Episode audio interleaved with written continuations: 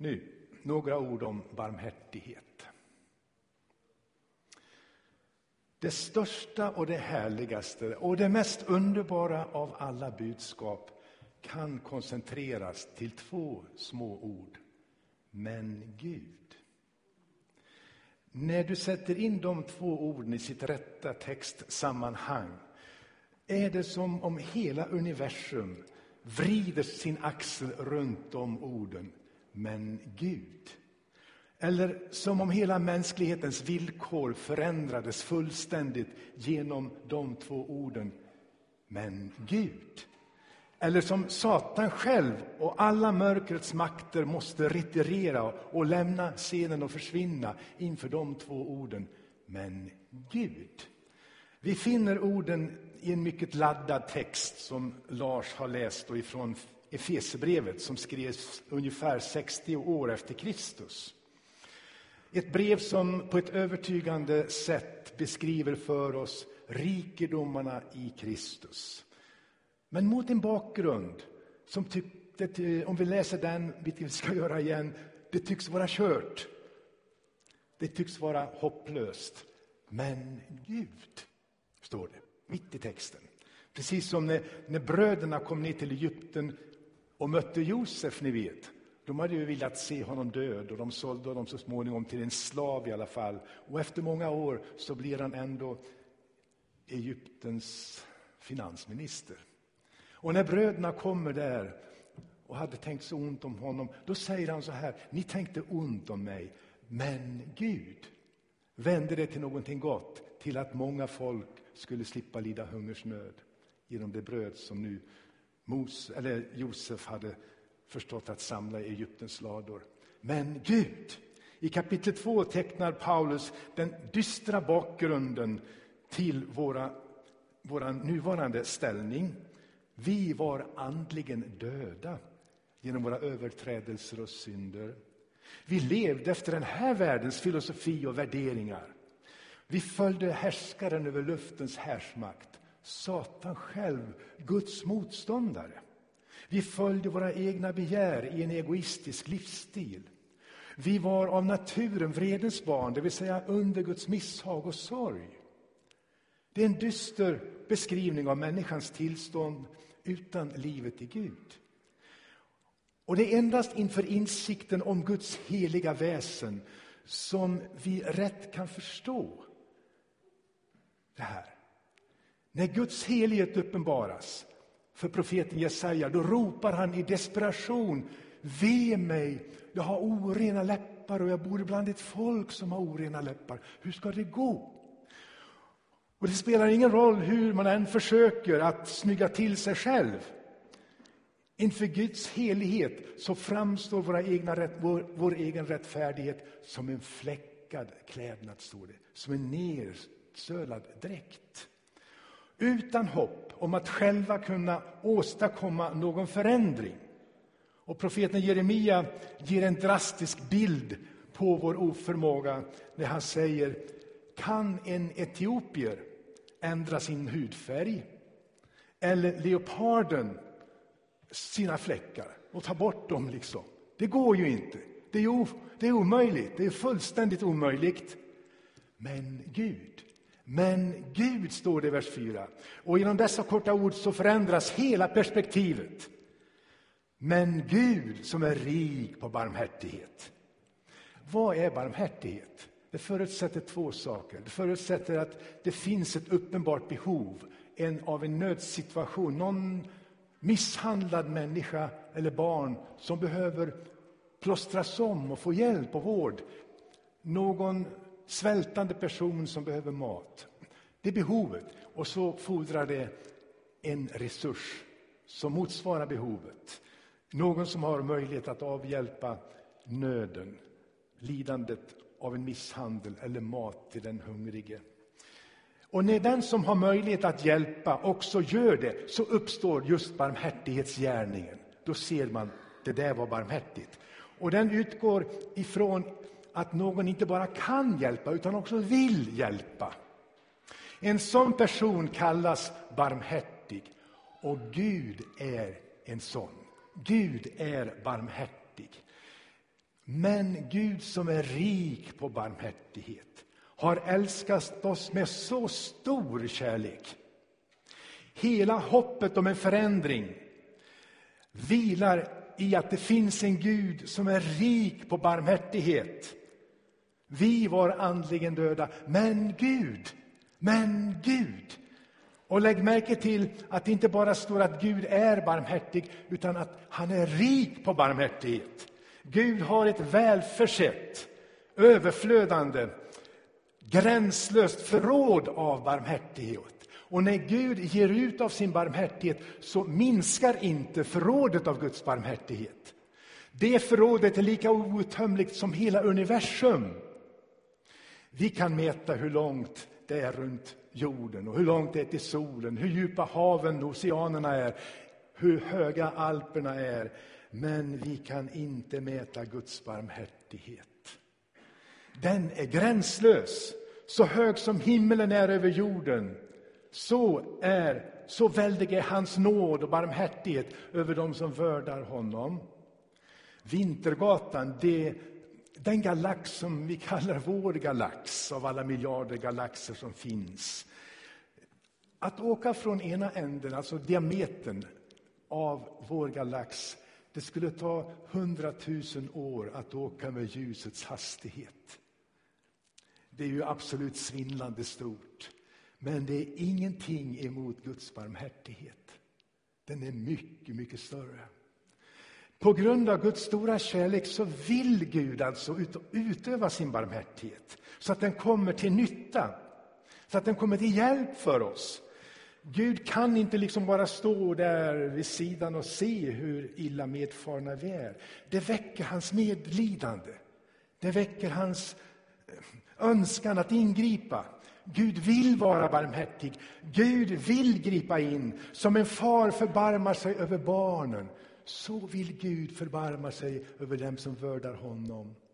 Och vilken är den mor eller far som ser sitt barn ligga sjuk i sängen, som inte vill göra allt för att barnet ska tillfriskna och må bra igen?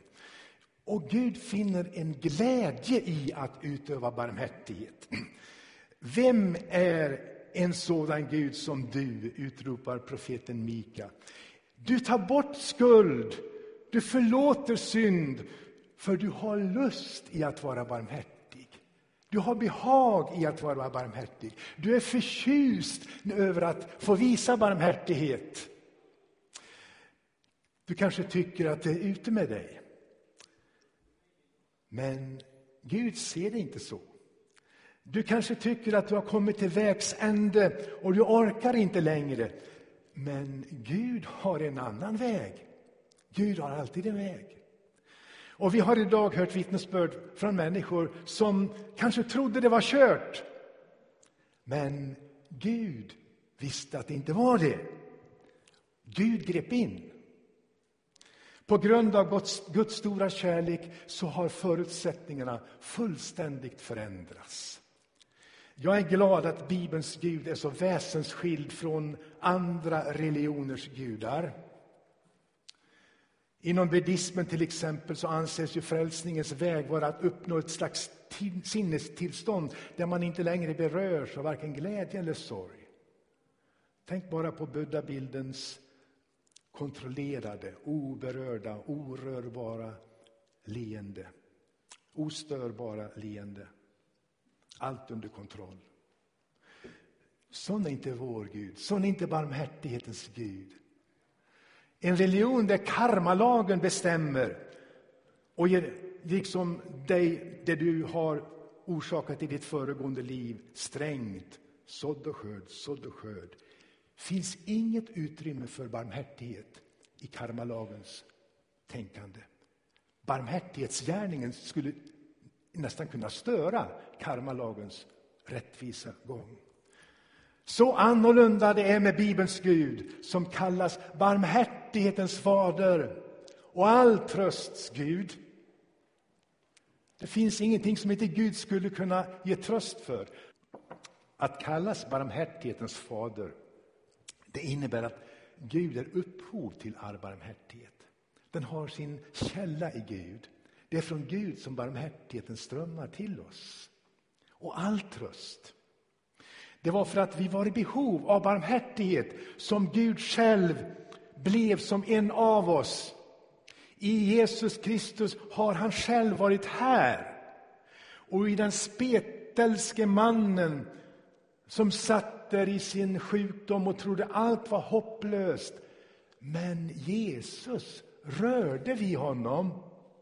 Först talar jag om men Gud, nu talar jag om men Jesus. Och det är samma sak. Den blinde Bartimeus trodde att hans framtid skulle vara en framtid av mörker där han satt vid vägkanten. Men Jesus stannade alldeles framför honom och förbarmade sig över honom. Den sörjande Maria möter Jesus gråtande och anklagar honom för att inte vara där när hans bror var sjuk. Men nu var det för sent. Nu trodde hon, nu härskar döden. Men Jesus ropade med hög röst, Lazarus kom ut. Kvinnan med sin sjuka dotter ropade förtvivlat, förbarma dig över min dotter. Och Jesus stannade och förbarmade sig. Han visar hurdan Gud är, barmhärtig. En korsfäst rövare ropade i sin dödsångest Jesus, tänk på mig, tänk på mig. Han trodde allt var kört. Men Jesus, men Jesus, men Jesus svarade, idag ska du vara med mig i paradiset. Det finns ingen gräns för Guds barmhärtighet. Här är en människa som har rövat och stulit och kanske mördat under hela sitt liv och som vädjar om en tanke från Jesus sida och han ger honom hela paradiset. Är inte det orättvist? Det tyckas så, men det är barmhärtigt. Det är en barmhärtighet utan gräns. Så Jesu liv och försonargärning är den mäktigaste demonstrationen i den mänskliga historien om att Gud är barmhärtig och han vill vara det mot dig. Häromdagen talade jag med en, en afghansk ung kille som har varit i Sverige några månader. Jag gav honom ett Nya testamente för några månader sedan som han skulle läsa på sitt språk. Och Han började läsa och så kom han hem till mig häromdagen och han var så, han var så upprörd över att när Jesus var så god mot människorna, hur kunde det finnas sådana som var emot honom? För det har han lagt märke till. Han var ju så god, han hjälpte ju människorna. Det var hans intryck av Jesus. Och, och Det finns ingen lik Jesus. Han har inte sett det i sin religion. Jesus står modell för vad barmhärtighet vill säga. Och vi är kallade, vi som församling, att låta hans sinnelag, hans barmhärtighet också synas hos oss. Han har själv sagt att det är kärleken till honom som är grunden, motivet, drivkraften bakom varje barmhärtighetshandling. Fast vi inte tänker på det. Jag var törstig och ni gav mig att dricka, säger Jesus. Jag var hungrig och ni gav mig att äta. Jag var hemlös och ni gav mig någonstans att bo. Jag var naken och ni klädde mig. Jag var sjuk eller i fängelse och ni besökte mig. Ser du? Allt vad vi har gjort och som Jesus säger mot dessa har ni gjort mot mig. Det betyder alltså att det är någonting stort att göra detta för Jesus skull. Han kan dölja sig bakom främlingar vi inte har en aning om. Så låt oss fortsätta att genom bland annat trappa ner och trappa upp ge välsignelse och barmhärtighet till människor i Göteborg. Och vet du vad det står om oss då? Saliga är de barmhärtiga. De ska få barmhärtighet. Amen.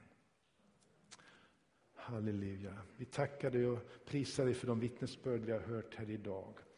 Tack för Lars, Ulrika, Anders, Alexandra, Alex, Agnes. Vi prisar dig och lovar dig för alla dessa och många fler som skulle kunna stå här och säga tack för att ni gjorde det här. Det har räddat mitt liv. Låt oss vara gripna av detta och låt oss vara generösa att fortsätta att ge av både pengar och tid och krafter och bön och bre smörgåsar och sätta på kläder. Och vi behöver någon som tvättar fötterna efter Eivor. Så Gud vill lägga sin hand på någon här idag, på flera här idag. Kan jag hjälpa till? Som Lorentz gör med Caférådet. En av dem. Kan jag vara en som träder in och frivilligt ställer mig till förfogande här nere och hälsar gästerna välkomna när de strömmar in på kvällen. Eller som ger dem en sopptallrik. Är det någon här som känner, ja men det kan jag nog och det skulle jag nog vilja. Ta den kallelsen som en helig kallelse till dig. Jag ber i Jesu namn att du ska ge glädje åt den här församlingen. Att välsignelserna från trappa ner och trappa upp ska flöda över oss. Den helige Andes bekräftelse på att vi är på rätt väg när vi visar barmhärtighet så som du är barmhärtig. I Jesu underbara namn. Amen.